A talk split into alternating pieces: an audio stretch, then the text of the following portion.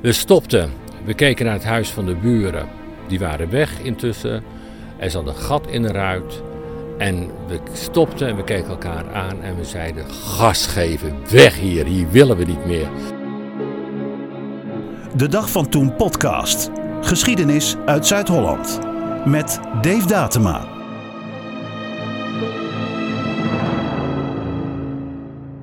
Welkom bij aflevering nummer 7 van de Dag van Toen podcast. Een podcast met geschiedenisonderwerpen uit Zuid-Holland.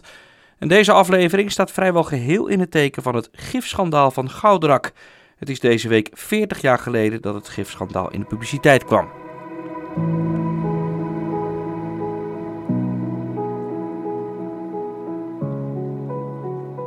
Terugkijkend, ja, de bomen in de tuin, ze stonden er, ze deden het, maar ze groeiden niet. Ja, Daar zijn ruzies ontstaan. Dat, dat, dat is niet te beschrijven. Dat is echt gebeurd. ik heb wel eens tegen mijn vrouw gezegd: joh, ik schilder mijn, ik verf mijn gezicht groen, ik ga voor het raam staan. Dan hebben ze tenminste nog iets om te zien.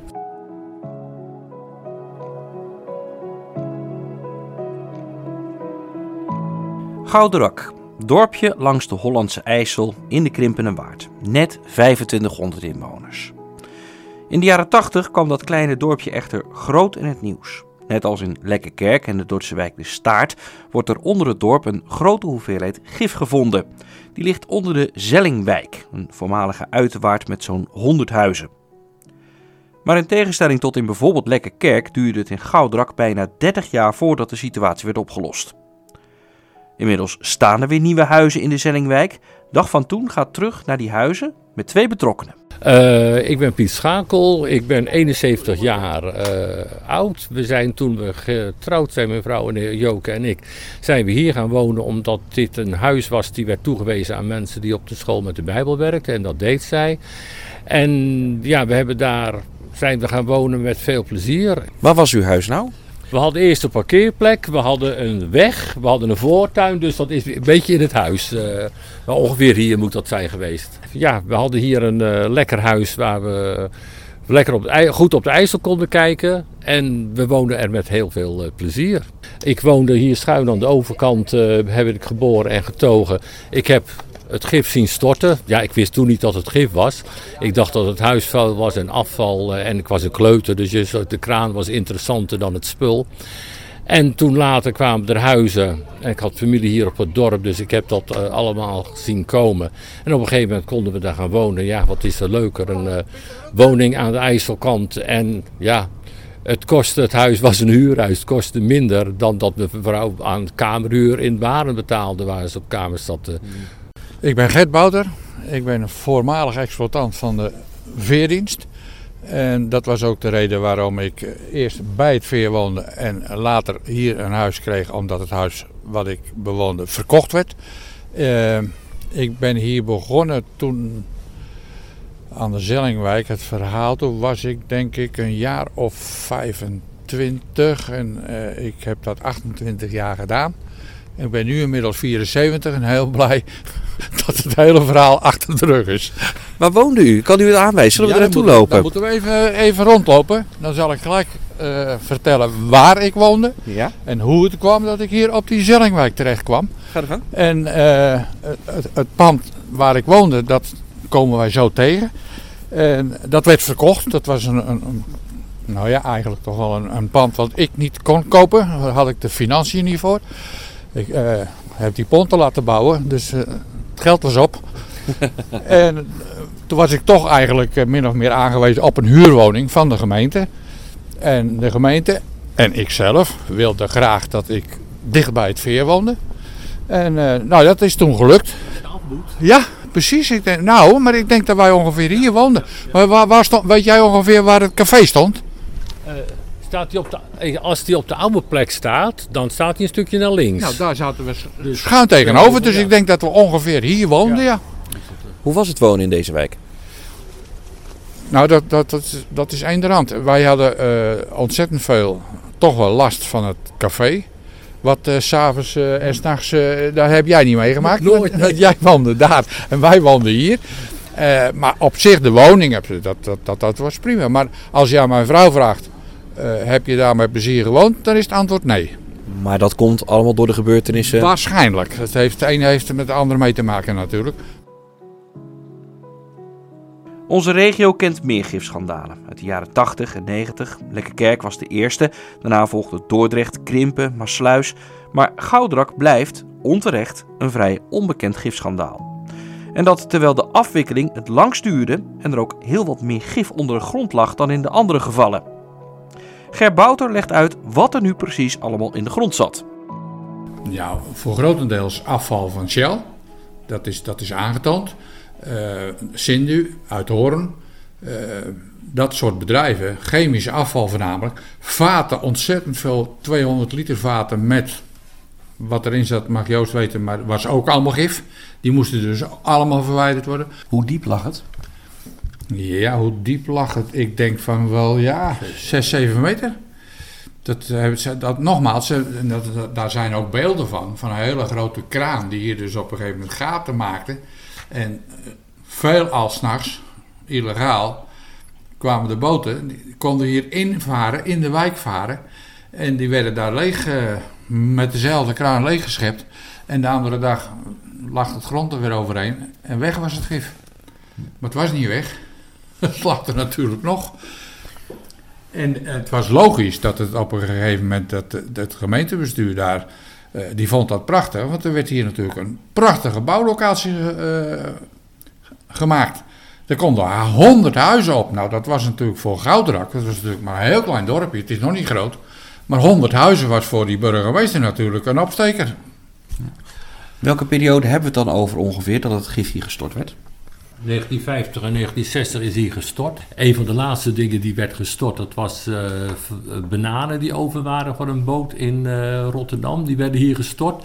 Dat is vlak tegen dat huis waar jij gewoond hebt. Heel Goudrak en ook Moordrecht, die gingen met grote tassen erheen op bananen te rapen en zo. Want dat was voor niks, dan had je bananen. Ik weet nog dat uh, het huis waar ik net zei, waar ik tegenover de, had in Moordrecht, had een, een mega grote kastanjeboom staan. Die is in die tijd ook omgevallen de IJssel in. En die is ook hier in de wijk gevaren. Uh, want dat was een mooie dumpplaats. Uh, dus er zijn ook wel, ja, dat zijn ook wel weer leuke dingen die gebeurd zijn.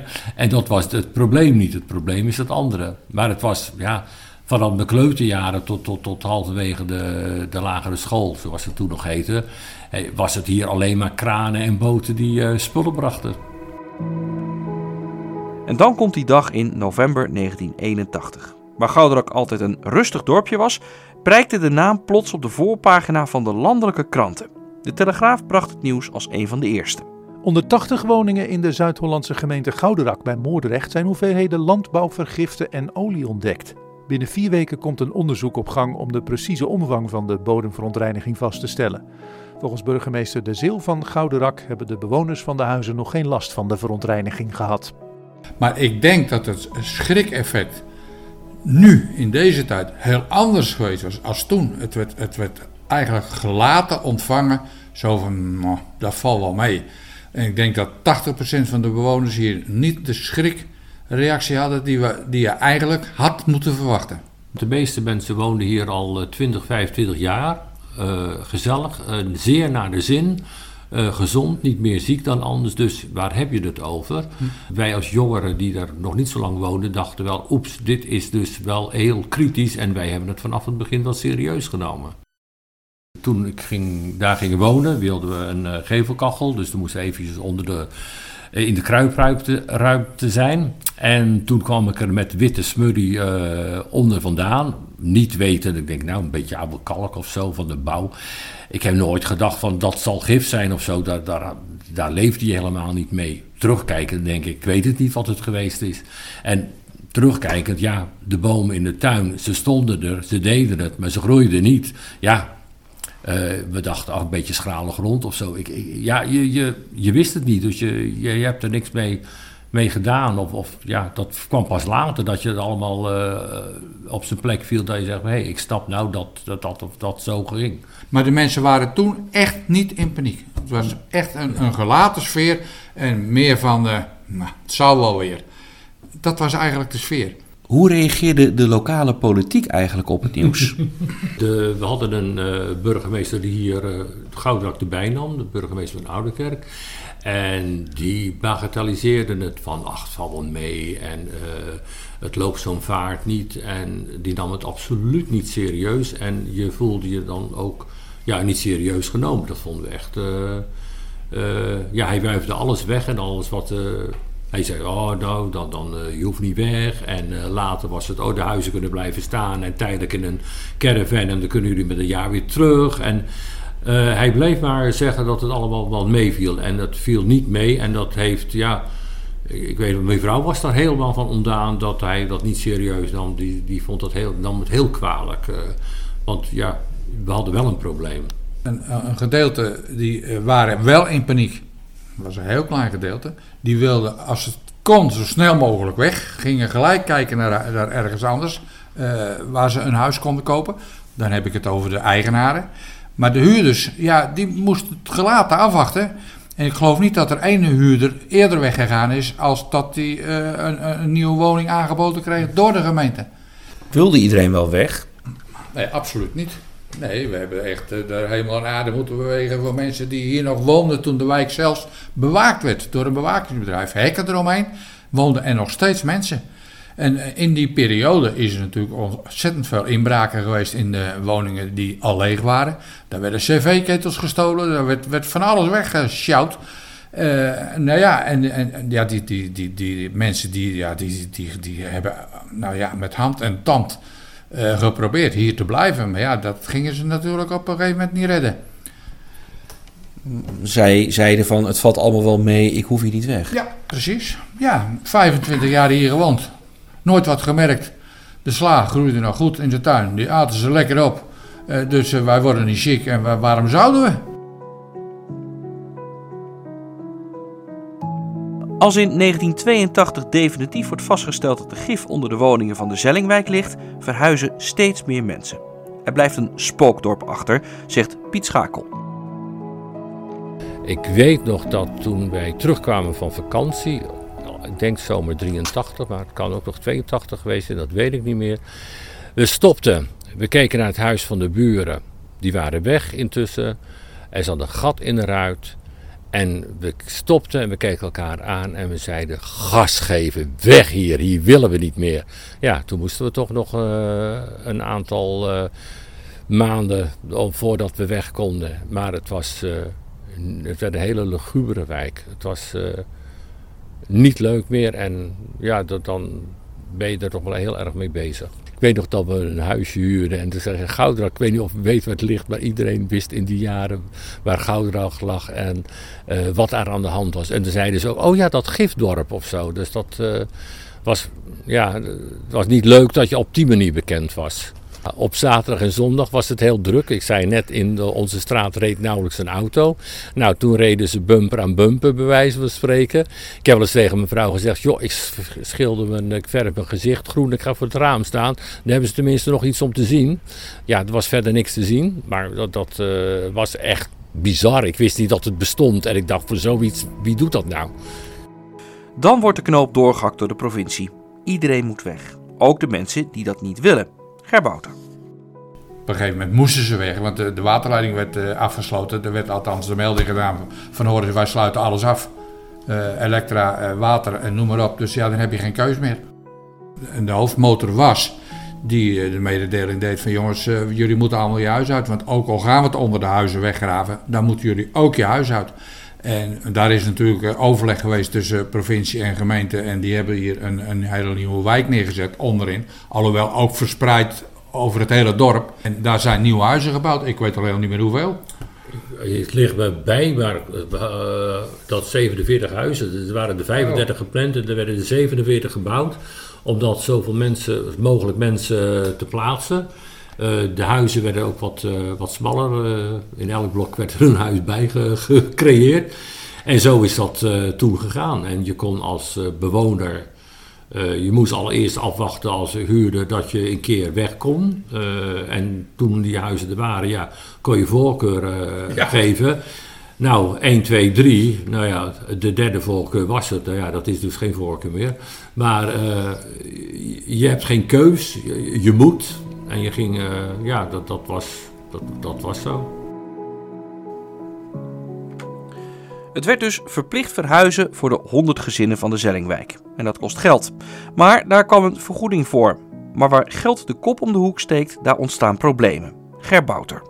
En er waren uh, mensen die hadden een eigen woning. En die gingen vertellen wat ze allemaal vergoed kregen.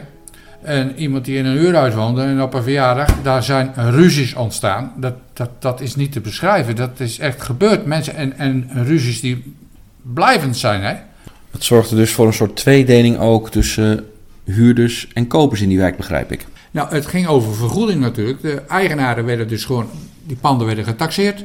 Kregen een, gewoon een, een, een landelijk gemiddelde. En die kwamen er niet slecht vanaf. Mensen die op een gegeven moment halstarrig waren als eigenaar. Daar zijn dingen uh, getaxeerd die, uh, die er niet waren. Om die prijs maar omhoog te drijven en om die mensen maar weg te krijgen. Maar de huurders die hadden natuurlijk helemaal niks. Je hebt als huurder niks. Je, je, er wordt op een gegeven moment een intermediate bodemsanering aangenomen. Die zegt nou twee keer de jaarhuur, dat is het. En wegwezen. Nou, daar hebben we dus als bewonersbelangenvereniging fel tegen geprotesteerd. Daar zijn we verschillende keren voor in Den Haag geweest. En daar is op een gegeven moment een regeling voor getroffen. Gelukkig. Want anders hadden die mensen dus gewoon tot heden ten dagen in de schuld gezeten. Hm. Met behoorlijk wat tegenzin begonnen de meeste gezinnen aan hun nieuwe leven. Sommigen in Goudrak, anderen buiten het dorp. Piet Schakel. Uh, ik gun niemand om uh, gedwongen uit een huis te gaan en gedwongen te worden in een huis te gaan wonen wat jouw keus niet is. Uh, dat doet veel meer met je dan dat, je, dan dat ik het nu zeg. ik zei altijd, ah, wij hoeven niet in een kartonnen doos te gaan wonen, dus het valt wel mee. Maar het viel niet mee. Uh, ah, je was huurder, dus je werd al. Je was aan de laatste aan de rij die eens een keer aan de beurt was. Je woonde op een gegeven moment in een wijk waarin de helft leeg stond, uh, waarin ruitenpotten. Het was niet prettig om te wonen. De waterleiding werd elke week gecontroleerd of het gif er niet in, in doorgedrongen was. dat maakt het allemaal niet prettig. maar als je dan moet gaan wonen in een woning dat, wat niet je keuze is, waar je weinig aan voor, ja, voordelen aan uh, ondervindt, van ondervindt. En je moet ook nog eens de dubbele huur betalen, dan, ja, dan hang je niet de vlag uit. Hoe ging die verhuizing? Uh, die verhuizing dat was echt een, een, een, wat je zelf moest doen, maar wat heel apart was, je mocht ook in je huurhuis niks mee, uit je huurhuis niks meenemen. Uh, maar wat heel erg uh, veel indruk maakte bij ons, dat je uit de tuin niks mee mocht nemen. Je mocht geen tegel eruit halen, je mocht geen struikje eruit halen. Want alles wat uh, de bodem raakte, kon met gif be besmet zijn. Dus dat mocht absoluut niet weg uit de wijk. En dat was, ja, dat, dan weet je wel dat het geen kleinigheidje is waar je zat. En dan wilde je op een gegeven moment ook wel graag daar vandaan, ja. Een paar jaar later, na het nieuws over het gif in de grond in de Zellingwijk, is de wijk leeg. Ger Bouter. Die, die wijk heeft hier jaren gestaan. En jaren heeft hier de, de bewaking rondgereden. Ik weet al heel niet meer hoe ze heten, want daar is het te lang voor terug. Maar het was een bewakingsbedrijf uit Rotterdam, dat weet ik nog wel. Die, kwamen, die waren hier s'avonds om vijf uur en die werden, heel de nacht werd, het, werd de wijk bewaard. Wat dat gekost heeft. Laten we dan nog niet praten over de vergaderkosten en over wat daar allemaal aan besteed is. Dat, dat vonden wij natuurlijk als, als gewoon burgers achterlijk. En die panden bestaan. En nogmaals, wat eerst de bedoeling, we gaan het gif onder die huizen weggraven. Twee jaar gestaan. Toen waren de huizen niet meer in, in, in staat om uh, behouden te blijven. Dus er werd toen besloten, dat moet dan maar gesloopt worden. Toen werd het gesloopt. Maar dat duurde alsmaar en dat duurde alsmaar. Het hele project heeft natuurlijk 25 jaar geduurd. Waarom werd die hete aardappel steeds vooruitgeschoven? Geld. Puur geld. Het, het, het, geld was er niet. En de, die sanering. Het, het, is natuurlijk ook bij die overheid hard aangekomen. Lekker Kerk was, Dordrecht was, Maasluis was, Gouderak. En Gouderak was natuurlijk toch een van de grote vervuilde plaats. En uh, ja, nou ja, dat, dat, dat, was gewoon geen geld. De jaren trekken dus voorbij. En waar het in Lekkerkerk, 15 kilometer verderop, in een paar jaar was geregeld, duurde dat in Gouderak heel wat langer. En dat zorgt voor scheve gezichten. Gerbouter. Dan zeg ik altijd maar, de overheid had toen nog een volle portemonnee. Het was de eerste schrik. Er was nog geen interim bodemsanering. Die mensen, in, dan praat ik alleen op het financiële vlak. Want ik bedoel, ik, ik, ik uh, wuif niet weg dat daar ook leed geweest is. Van mensen die hun huis uit moesten. Maar die werden dus echt goed uh, vergoed. En dat ontbrak hier. Want ja, uh, die overheid die zag natuurlijk die bui hangen. Het is Lekkerkerk, het was Dordrecht, het was Maasluis, het was Gourak. Wat gaat dat kosten? En, en terecht dat die overheid natuurlijk uh, op de rem trapte. Want als, als iedereen hadden moeten vergoeden zoals ze in Lekkerkerk gedaan hadden... dan uh, had uh, Nederland failliet geweest, denk ik. Ja. Was er een soort bijna jaloezie of niet? ja, je vond het enorm oneerlijk. Want in Lekkerkerk kon alles, er was geld voor alles. Uh, en hier was niks. Uh, hier kon niks. En hier was alles wat uh, maar een dubbeltje moest kosten, dan vielen ze overheen. Dus dat, je voelde je ja, weer een beetje afgedaan als, nou ja, je doet er niet toe. Zoals in Lekkerkerk was. Al waren wij de eerste geweest, hadden wij het goed gehad. Waarschijnlijk. Ja, waarschijnlijk ja. En, uh, en ja, nu waren wij uh, de tweede, of de derde en de vierde. En inderdaad, uh, de overheid was bang, er komen er nog wel honderd. Dus nou eventjes oppassen. Dus daar zijn we het slachtoffer van geworden. Bouter is dan al een paar jaar voorzitter van de bewonerscommissie. En ook al woont er niemand meer in de Zellingwijk, hij knokt nog steeds door. Maar waarvoor dan? Ik knokte voor de terugkomst van de bewoners op die Zellingwijk. Hè? Want wat Piet ook net vertelde, die, die mensen woonden daar helemaal naar de zin. En het heeft veel moeite gekost om ze van die wijk af te krijgen. En dan als bewoners belangenvereniging ga je kiezen voor de overheid en zeggen, joh, het moet gebeuren. Maar je krijgt een nieuw huis terug, is beloofd, dat gaat gebeuren. Maar dat het dan 25 jaar gaat duren, dat de bewoners dus of vluchten naar andere plaatsen of overlijden, dat hadden we nooit ingecalculeerd. Hm. Want hoe was die samenwerking met de gemeente? Slecht. Dan ben ik, ben ik heel kort. Dat, dat, dat, dat was, dat was altijd frustratie bij de gemeente. Als wij iets wilden, of ik wilde naar de gedeputeerde, of ik had een afspraak mee, dan nodigde ik of een ambtenaar of iemand uit om mee te gaan. Eh, dat gebeurde gewoon niet. Ze, gingen, ze wilden niet met ons samenwerken. Terwijl wij nou, heel veel keren de hand uitstaken. Laten we het nu samen doen. Samen staan we sterk. Maar ja, de gemeente was bang na een herindeling om Gouderak met zoveel, nou ja, het zou dan uiteraard tonnen geweest zijn als ze dus die procenten moesten betalen zoals het in de intro bodemsanering was aangenomen. En daar wilden ze gewoon niet. Wij wilden die bewoners terug, wij wilden die Zellingwijk terug en we wilden de wijk schoon hebben. Want het was natuurlijk verschrikkelijk wat er hier de IJssel indreef. Hè. Ik heb foto's dat de hele IJssel olie was. Hè. En daar gingen wij met ons pontje doorheen. Dat was echt, dat was niet normaal. En uh, daar is natuurlijk, uh, het is over nu. U ziet het, we hebben een mooie schone IJssel. Fantastisch.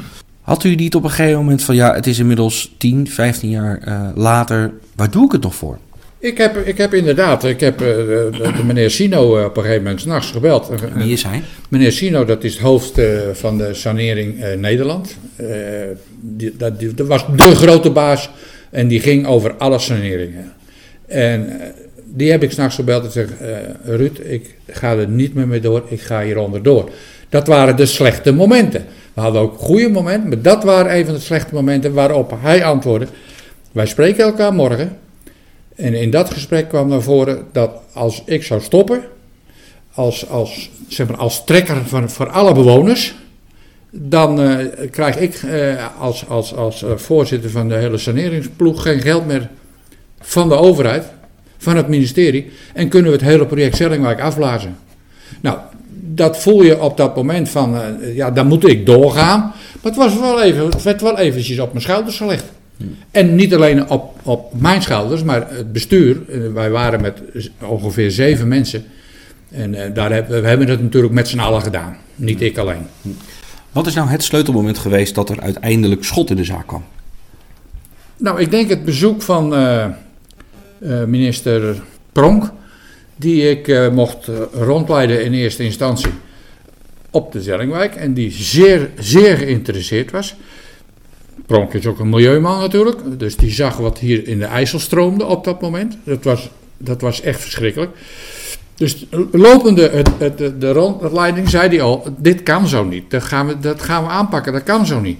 En het gesprek tussen de gemeente en het ministerie, waar ik niet in thuis hoorde uiteraard, want ik was maar bewoner.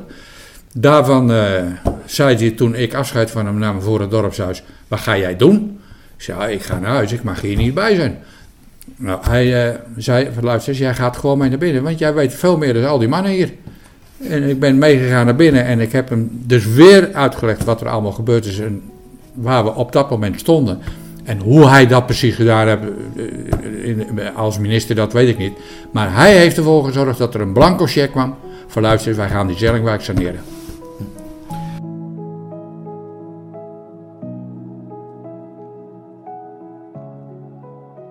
Uiteindelijk wordt er gesaneerd. Hoe ging dat? Uh, de sanering was. Uh, er kwamen hier maanmannetjes te lopen in, in ongelooflijk witte, dikke pakken. Uh, alles werd afgezet, er werd een damwand geslagen aan alle kanten en het werd afgegraven. Nou, de stank was niet van de lucht, maar ja, hier in Goudrak was men dolblij dat er eindelijk wat ging gebeuren. Uh, ja, het geluk is hadden we dat, dat je aan de IJssel zat, dus via schepen werd het weggebracht. Het hoefde gelukkig niet over de weg. Het zou heel gevaarlijk geweest zijn. En ja, er zat eindelijk schot in de, in de zaak en dat werd wel gewaardeerd uh, hier, ondanks de overlast die het enigszins gaf. Alles wat hier op de, wat, wat tijdens de sanering fout kon gaan, ging fout. Ook de sanering was klaar. We stonden op het punt om een feestje te gaan organiseren, want we hebben een schone wijk. Toen er op een gegeven moment een, een, gifontdekking gedaan werd. Toen werd ik opgebeld, ik was aan het werk, van wil je onmiddellijk komen, want we hebben een spoedoverleg in het kantoor. En uh, we hebben weer gif ontdekt. En men ging in eerste instantie uit van kwade willen. Hè? Mensen die ja, ze gaven op een gegeven moment uh, misschien wel een boer die hier gif overheen. Het was over heel de wijk, hè? Er was over heel de wijk lag weer gif. Waarvan je dan zegt, nou dat weer. Wat waren we zo blij dat we schoon waren, dat we konden gaan beginnen, dat we de, de, de, de, start voor de bouw van de woningen aan konden gaan kondigen. Gif. Nou, dan zeg ik, ja, dan zakt de moed natuurlijk wel in je schoenen. Nou, uiteindelijk bleek het dus uh, dat. Boskalis de boosdoener was. Niet gewild natuurlijk, maar het was een depot uh, in Maasluis wat, uh, waar het zand vandaan kwam. En daar bleek ooit gif te hebben gelegen. En dat is hier op de Zerkweg gestort. En dat moest weer gesaneerd worden. Nou, je krijgt daar op een gegeven moment natuurlijk dan toch wel een keer... Uh, Schik van? ja, dat is niet normaal hoor. Wat, wat er, alles wat hier tegen kon zitten, ja. dat, dat zat tegen. Je kan het niet verzinnen. En, en dan zei je, hoe is dit nu mogelijk? Als je er aan ja, ja, wij weten het ook niet, maar het is wel gebeurd. In 2012 werden de woningen opgeleverd. Koningin Beatrix bezocht de Zellingwijk na de sloop in de jaren 80 en bracht ook na de oplevering bijna 30 jaar later opnieuw een bezoek aan Goudrak. Koningin Beatrix heeft voor de tweede keer een bezoek gebracht aan de inmiddels herbouwde Zellingwijk in Gouderak. Ik vind het vandaag één grote feestdag. Koningin op bezoek. In haar ontmoeting heb ik bemerkt dat ze heel meelevend, heel veel ingelezen heeft, op de hoogte is van de situatie toen en ook nu. Piet Schakel was een van de bewoners die terugkeerde naar zijn oude wijk. Nee, we hadden er hier destijds met plezier gewoond. We wisten inmiddels dat hier de grond schoon was. Echt schoon. En we wilden graag terug. Dat was, uh, ja, zoals we toen zeiden, het cirkeltje rond. We hebben, het is ons vierde huis in Gouderak. En ja, dit is eigenlijk uh, het eerste huis wat we echt gekozen hebben. En op een plek staat waar ja, het heel fijn is. Het is ook een stukje ja, van iets van, kijk, lekker pur. Het is toch goed gekomen. Hm. En ik ben de, de, de bewonersbelangenvereniging diep dankbaar dat ze door zijn blijven gaan. Terwijl ik wel eens gedacht heb, nou, dat wordt nooit meer wat. Dus dat, maar nee, dat, het, is, het is een mooie wijk geworden. En ja, de manier waarop het gebouwd is nu, is denk ik een, een, een, mooi voorbeeld van hoe je een wijkje neer kan zetten. Meneer Bouten, u bent niet teruggekomen. Nee, nou ja, dat heeft ook alles te maken met de tijdsduur. Wij, wij zijn natuurlijk hier van de Zellingwijk afgestuurd. We zijn in een van de tijdelijk, nou nee, het, waren geen tijdelijke woningen. Ze hebben die woningen natuurlijk in een mum van tijd opgebouwd. En ik heb toen een huis gekozen, ook niet te ver van mijn bedrijf af, want dat, dat vond de gemeente ook wel belangrijk. Ehm, maar ja, op een gegeven moment, de leeftijd gaat door. 28 jaar is 28 jaar. En ik was ook op een gegeven moment op een leeftijd dat mijn accountant zei: joh, als jij nog een keer een huis wil kopen, moet je niet wachten tot die zelfwijk klaar is, want dan, eh, dan hoeft het niet meer. Dan kun je dat niet meer betalen. Dus ik heb op een gegeven moment een huis gekocht die op mijn weg kwam. Want dat moet je dan ook nog maar net treffen, want in Gouderak, eh, vergis je niet, uh, de, de eigenaren wisten dat hier uh, die mensen moesten verhuizen. En die wisten ook dat ze die prijzen een beetje op moesten krikken. En werd toch wel verkocht, want die mensen kregen een vergoeding.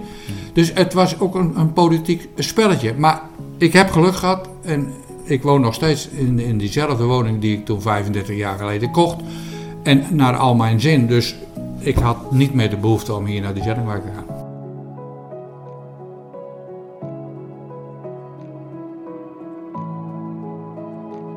Een uitgebreid verhaal over het gifschandaal van Gouderak vindt u op onze website www.dagvantoen.nl. Uit de oude doos. In de oude doos duiken we in de archieven van openbeelden.nl, een website met veel polygoonjournaals. Dit keer gaan we terug naar 1958, een bijzondere doop in Alblasserdam. Grote spanning heerste deze dagen op een werf in Alblasserdam, waar een tanker van 205 meter lengte te water moest in de Noord, die ter plaatse maar 240 meter breed is.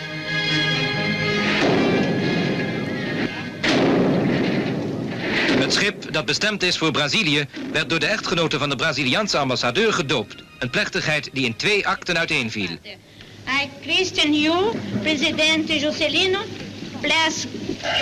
Oh. Nee, hier.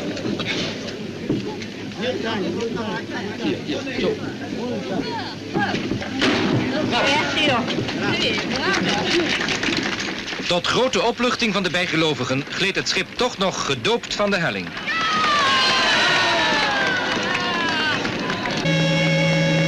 Scheepsbouwer Verolme had al spoedig in de gaten dat alles goed ging. De 33.000 tons supertanker die aan de ketting was gelegd, deed precies wat de ingenieurs hadden berekend. Hij werd dicht onder de tegenoverliggende wal door de strak staande kabels afgeremd en omgetrokken. Het was de tweede maal dat een tankschip van dit formaat hier op deze wijze veilig in zijn element kwam. Geschiedenis uit jouw omgeving. Dit is de Dag van Toen podcast. Valt er verder nog iets terug te blikken op dagvantoen.nl deze week? Een meeuw staat centraal komende maandag bij het verhaal van Eddy Treitel, die tijdens de wedstrijd Sparta-Feyenoord een levende meeuw uit de lucht schiet. Het beestje overleeft de klap niet. Bij de landelijke intocht van Sinterklaas in Gouda in 2014 loopt het uit de hand tussen voor- en tegenstanders van Zwarte Piet. De tegenstanders mogen demonstreren, maar dan ver weg bij het feest vandaan. Dat doen ze niet en daarna loopt het uit de hand. Er worden 90 mensen opgepakt. Een opmerkelijke demonstratie op 18 november 1918. Direct na het einde van de Eerste Wereldoorlog, een week eerder, werd in Rotterdam de revolutie uitgeroepen. Om dat revolutionaire gedrag de kop in te drukken, wordt in Den Haag op het Malieveld een bijeenkomst georganiseerd waarbij tienduizenden mensen hun steun aan koningin Wilhelmina uitspreken. Op die dag ook de terugblik op de demonstratie in Rotterdam tegen de opvoering van het toneelstuk Het Vuil, de Stad en de Dood. Joodse tegenstanders noemen het stuk antisemitisch en bezetten het podium. Op 19 november is het 600 jaar geleden dat de Sint-Elisabethsvloed plaatsvond in Dordrecht en omgeving. Naast de uitgebreide terugblik op dagvantoen.nl blikten we in de vorige aflevering van de podcast ook terug op de ramp. Centraal stond de vraag: wie was die Elisabeth nu eigenlijk? Het is een heilige voor mensen in nood, zegt conservator Marianne Eekhout van het Dordrechts Museum. De ramp zelf, dus de Elisabethvloed, werd, um, ja, die vond plaats op, in de nacht van 18 op 19 november 1421. Althans, daarop, dat vieren wij nu als herdenken wij nu. Maar die ramp is interessant waarom dat dus 18 op 19 no november was. Want uh, we weten eigenlijk alleen maar dat het in november was. We weten de exacte datum niet. Dus je zou ook kunnen zeggen, ja, waarom hebben ze niet een andere heilige gekozen die toevallig ook een naamdag had? Want daar gaat het dan om, op uh, 18 of 19 november. Nou is er nog wel ehm, een heilige Eusebia, die is van 18 november, maar daarvan weet eigenlijk niemand waar die nou bekend van is. Ehm, en het komt dan eigenlijk ook wel heel goed uit dat als er een ramp plaatsvindt, dat er een heilige zoals Elisabeth tot je beschikking staat om een ramp naar te vernoemen. Want hoe mooi is het dat je een heilige hebt, naar wie zo'n ramp is genoemd, die ook nog eens kan helpen om de mensen die zijn getroffen ehm, ja, een beter leven daarna te geven. Dat en meer deze week op dagvantoen.nl. Historische verhalen uit heel Zuid-Holland. Van de Bollenstreek tot aan Rotterdam. En van Den Haag tot aan Gorkum. www.dagvantoen.nl Tot zover de zevende aflevering van de Dag van Toen Wilt u meer zien, lezen of horen? Ga dan naar dagvantoen.nl. Vond u dit nou een interessante podcast? Abonneer u dan op deze podcast, zodat u elke week een terugblik binnenkrijgt. En geef het ook door aan familie, vrienden of vage kennissen dat dit echt een Gerse podcast is. Volgende week is de podcast er weer. Tot dan.